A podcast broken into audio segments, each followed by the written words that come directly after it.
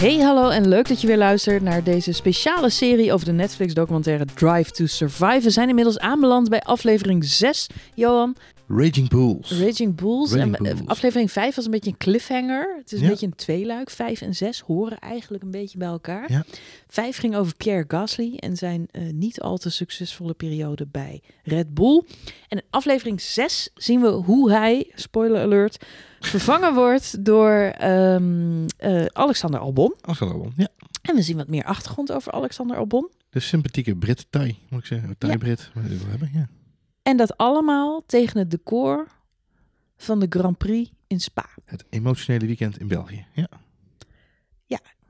Een behoorlijk pittige, pittige als je het zo samenvat. Eh, Ja, voor mij was het een beladen aflevering. Ik zat af en toe ook wel even eh, zo, zo brokje in de keel. Ja, toch een paar keer eh tranen, Klein snifje, tranen ja. weggepinkt. Ik zag meer mensen een traantje wegpinken op de tv inderdaad ook inderdaad. Het was een hele emotionele, eh, eh, echt goed gemonteerd.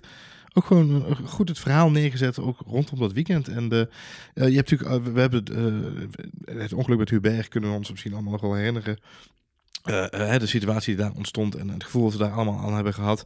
Ehm, eh, maar de, in deze documentaire, in deze aflevering zien we de reacties van de coureurs ook echt terug. Hè? We zien Lewis Hamilton ook echt eh, stotterend voor de camera. En we zien de, de ouders van, van Albon, of de, zijn moeder en zijn zus, reageren. En we zien ook dichtbij, up close, die beelden van, van die ceremonie aan het begin van de race op zondag. Dat maakte eigenlijk wel ja, heel, heel, hele diepe indruk, eh, zo nog even eh, midden in zo'n documentaire serie. Voor zover je er iets over kan zeggen, want het is natuurlijk niet leuk om op een fictieve manier of op een gedramatiseerde manier te kijken naar een racecoureur die komt te overlijden tijdens een verschrikkelijk ongeluk in de mhm. Formule 2.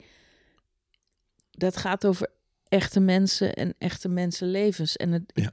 het blijft moeilijk om er op deze manier naar te kijken, omdat het Eens. voor een verhaal wordt ingezet. Maar buiten dat eh, ben ik met je eens dat de manier waarop deze aflevering wordt ingelijst ehm, wel recht doet aan het gevoel wat, wat, ja, wat veel mensen denk ik bij dit weekend hadden.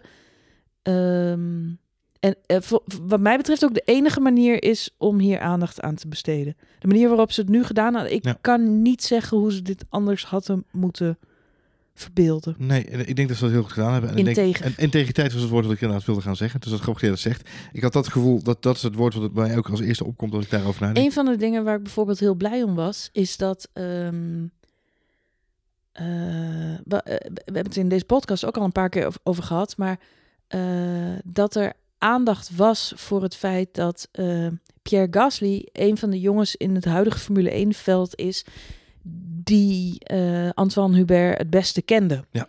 Eh, want er is eh, veel gezegd nadat hij kwam te overlijden over ehm, het feit dat Charles Leclerc natuurlijk ook uit dezelfde klasse voortkwam. ja, en als, lichting. Ja. ja, als monegask ook veel met de Franse jongens optrok in zijn jonge jaren.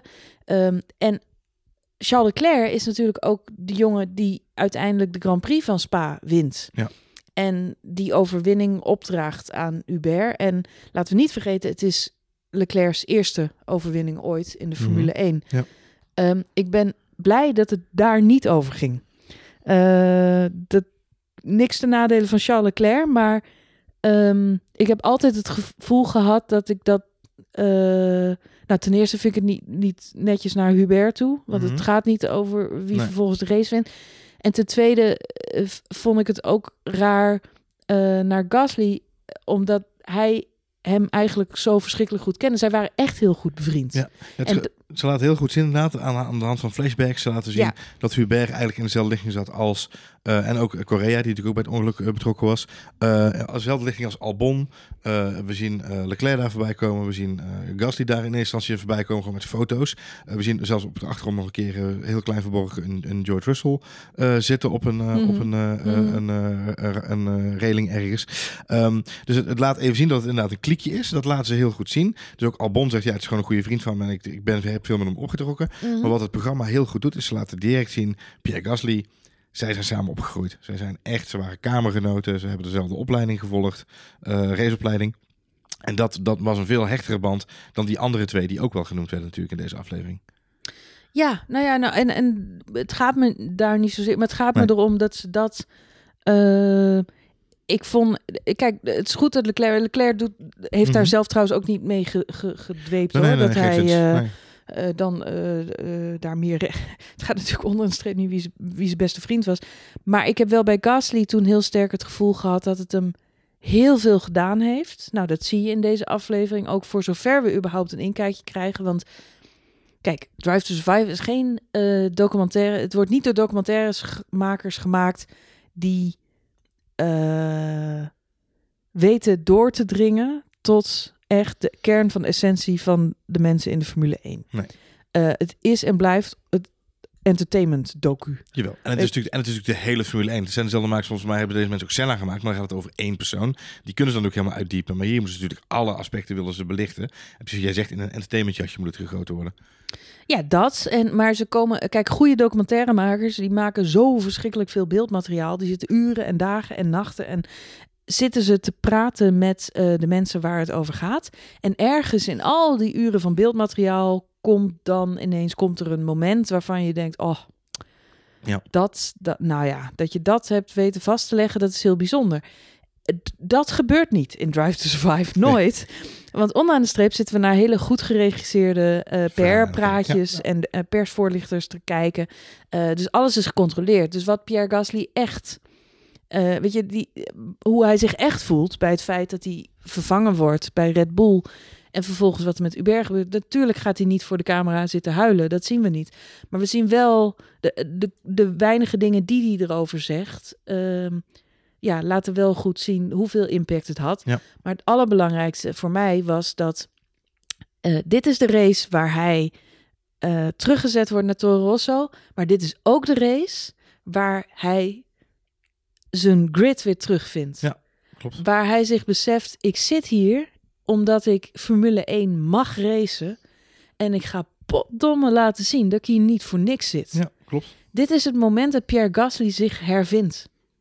En dat gevoel had ik al toen we eh, Spa toen zaten te kijken, dat hij zich daar herpakt. Ik kan ook, ze laat ook kort even die crash van Raikkonen en eh, Max Verstappen zien, waar iedereen natuurlijk in deze documentaire mee- een beetje van baalt. Of bij Red Bull zie je mensen balen, shit dat ze uitvallen. Ik kan me ook nog herinneren dat wij tegen elkaar zeiden van nou, eh, volgens mij hadden die gasten er allebei geen zin in dit weekend. Zowel Kimi als Max Als niet. Max, die waren helemaal klaar Die mee. waren, ja. die wilden zo snel mogelijk heel weg bij dat hele spa. Eh, dus prima, weet je wel. Uitstappen, eh, lekker naar huis. Naar, Kimi lekker naar zijn vrouw en zijn kinderen. Ja, precies. En Max lekker een biertje drinken met zijn vrienden.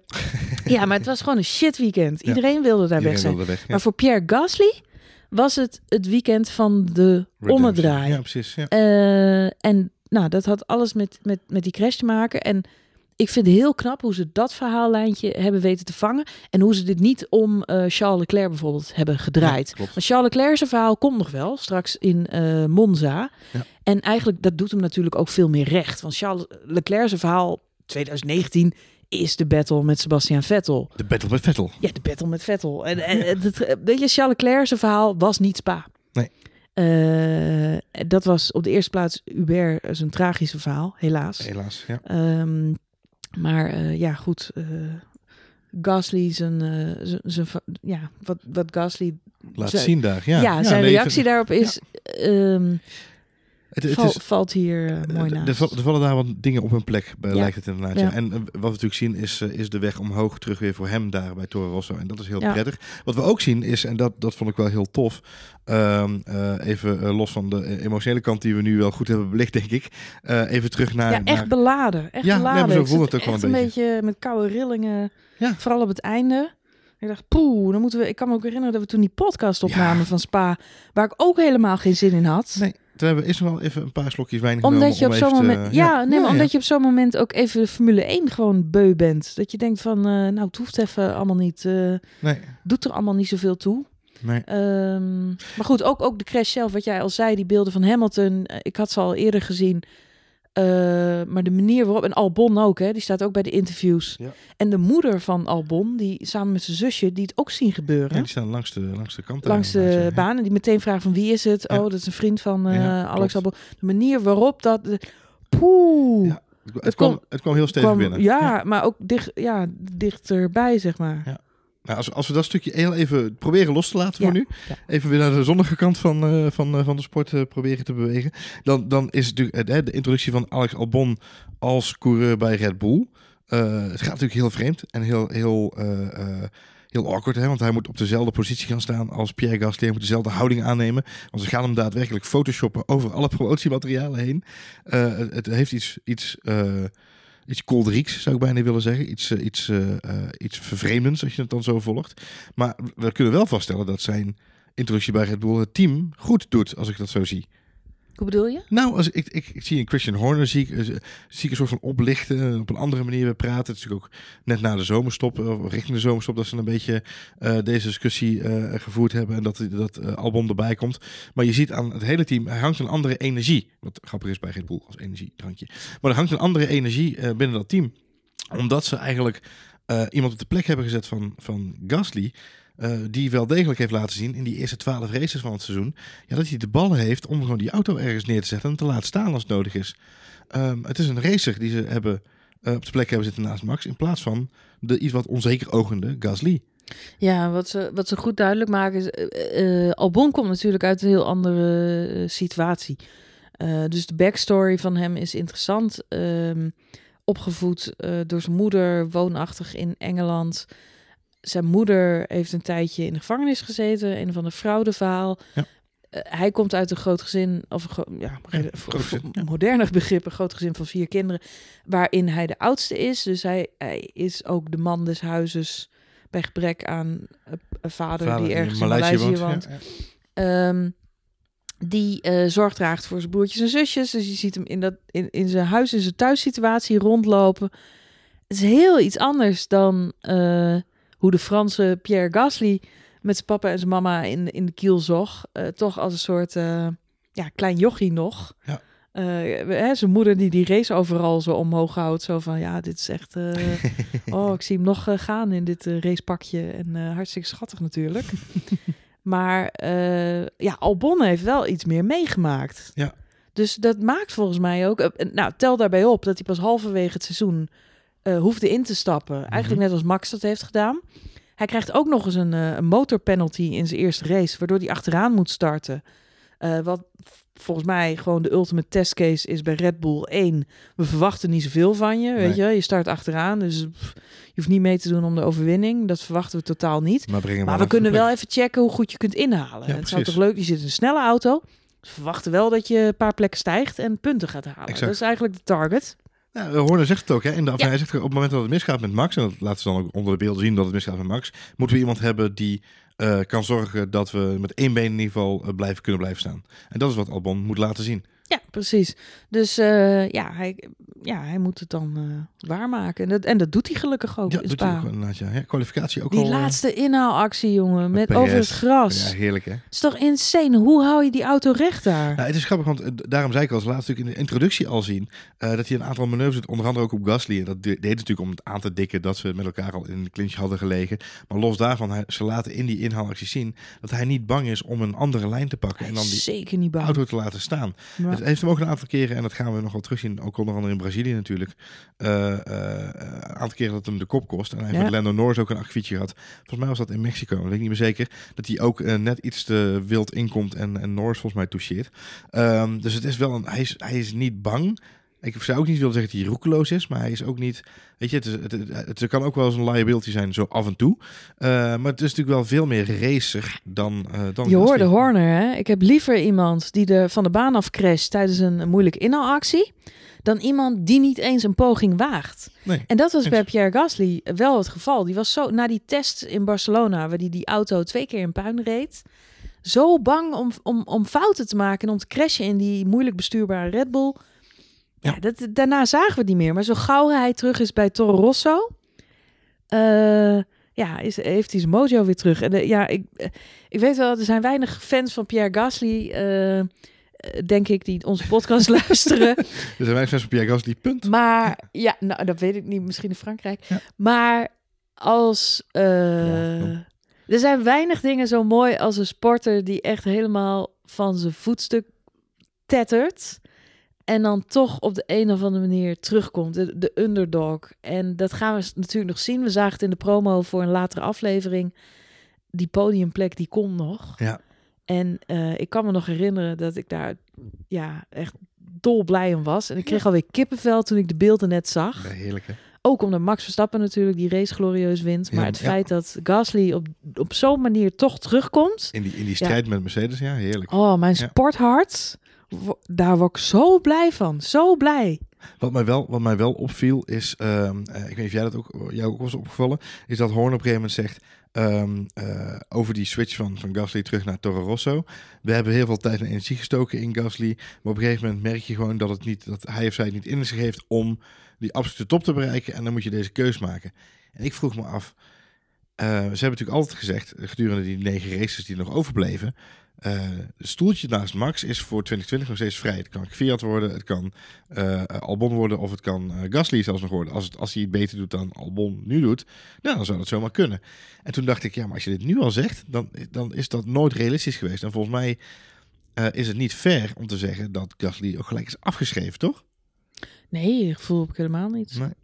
En eh, nog even los van het feit dat Red Bull ook niet zo heel veel opties meer achter de hand heeft. Hè? Nee, nada. Ja. Want Albon, eh, leuk en aardig dat hij nu bij Red Bull zit. Maar we zien heel goed in deze aflevering dat het ook maar gewoon wederom dankzij Daniel Ricciardo is dat hij überhaupt een plekje in de Formule 1 weet te bemachtigen. Ja. Als Daniel Ricciardo niet eh, van team was verkast naar Renault, hadden ze bij Red Bull nooit Gasly weg hoeven halen bij Toro Rosso.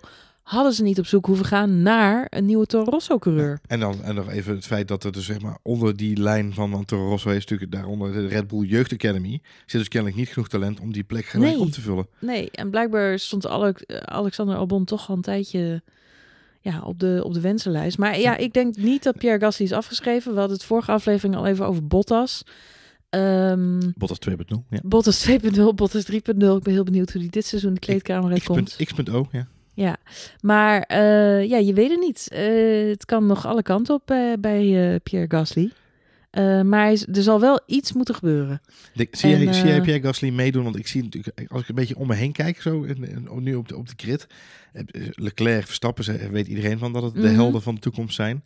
Ehm, eh, hè, dat, daar zit iedereen nu al watertandend naar te kijken als het gaat om de strijd tussen die twee mannen. Ehm, zie jij dan Albon en Gasly daarbij aansluiten? En ook even kijken naar bijvoorbeeld Norris en Russell. Dat zijn natuurlijk allemaal jonge gasten die eraan zitten te komen. Gaat Gasly dan ja, mee? Ja? Ja, ik zie Russell echt wel de stap maken naar Mercedes. Als Mercedes in de sport blijft. Mhm.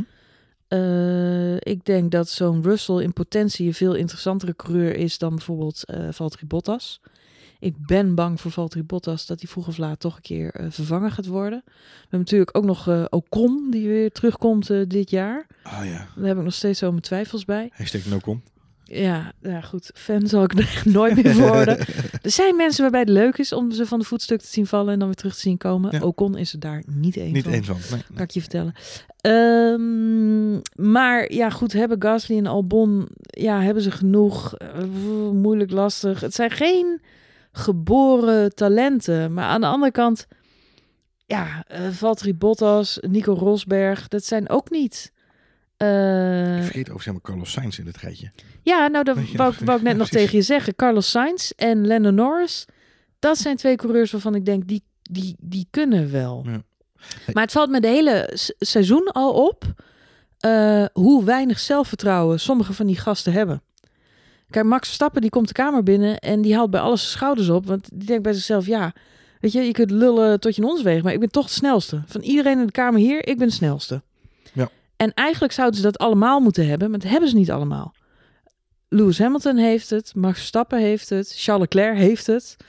Eh, Vettel heeft het ook, is het soms een beetje kwijt. Ehm, bij Carlos Sainz, vorige aflevering ook weer, of een paar afleveringen geleden, Mhm. Denk je ook van, ja, die heeft ook echt een knauw gehad van het feit dat hij bij Red Bull eh, hebben ze hem losgelaten Ja. op een gegeven moment. Renault was hij dan aan verhuurd. Ja, ja, ja. Eh, ik denk dat ze bij Red Bull zichzelf nog wel echt voor de kop hebben geslagen dat ze Sainz hebben laten gaan.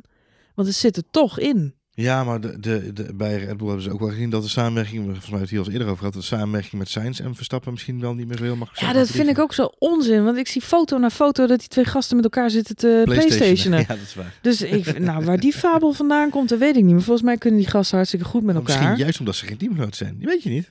Nou, ik weet het niet. Het valt me wel op dat ik als ik zo'n Sainz en zo'n Gasly en, en ook een Leclerc, maar ik vind af en toe wel zachte eitjes hoor in die interviews. Trouwens, Albon ook weer. Een mooi fragment. Albon wordt geïnterviewd eh, door een of andere Engelse eh, journalist. Ja. Eh, nou, we weten allemaal Engelse media sharks. Weet je, dat zijn echt hufters. Die maken je helemaal kapot. Dus recentelijk een, een, een, prins eh, met zijn vrouw eh, naar Canada gemigreerd. Simpelweg omdat het eh, gewoon niet te doen is. Is er zo geen prins meer nu? Nee, ja, precies. nee. Nee, maar echt, de, de Engelse media is gewoon verschrikkelijk.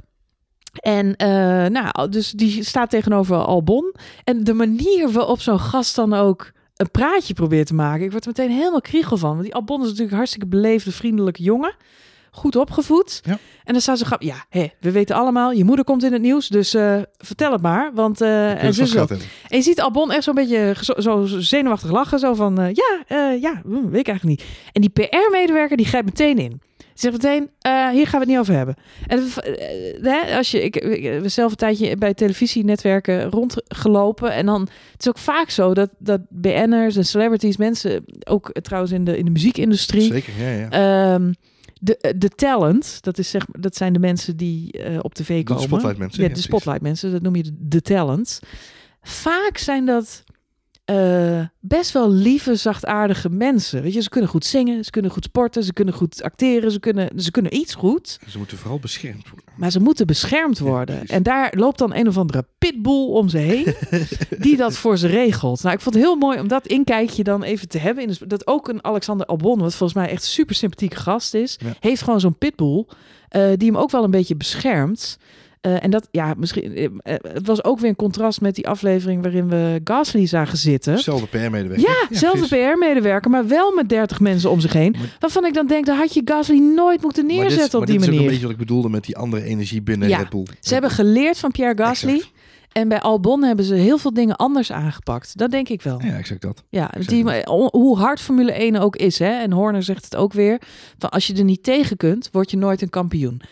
Dat staat vast. Maar dan nog, eh, voor jongens die uit de Formule 2 komen, die net een jaar eh, rondrijden. eh, Albon nog niet eens, want die had zijn debuutseizoen.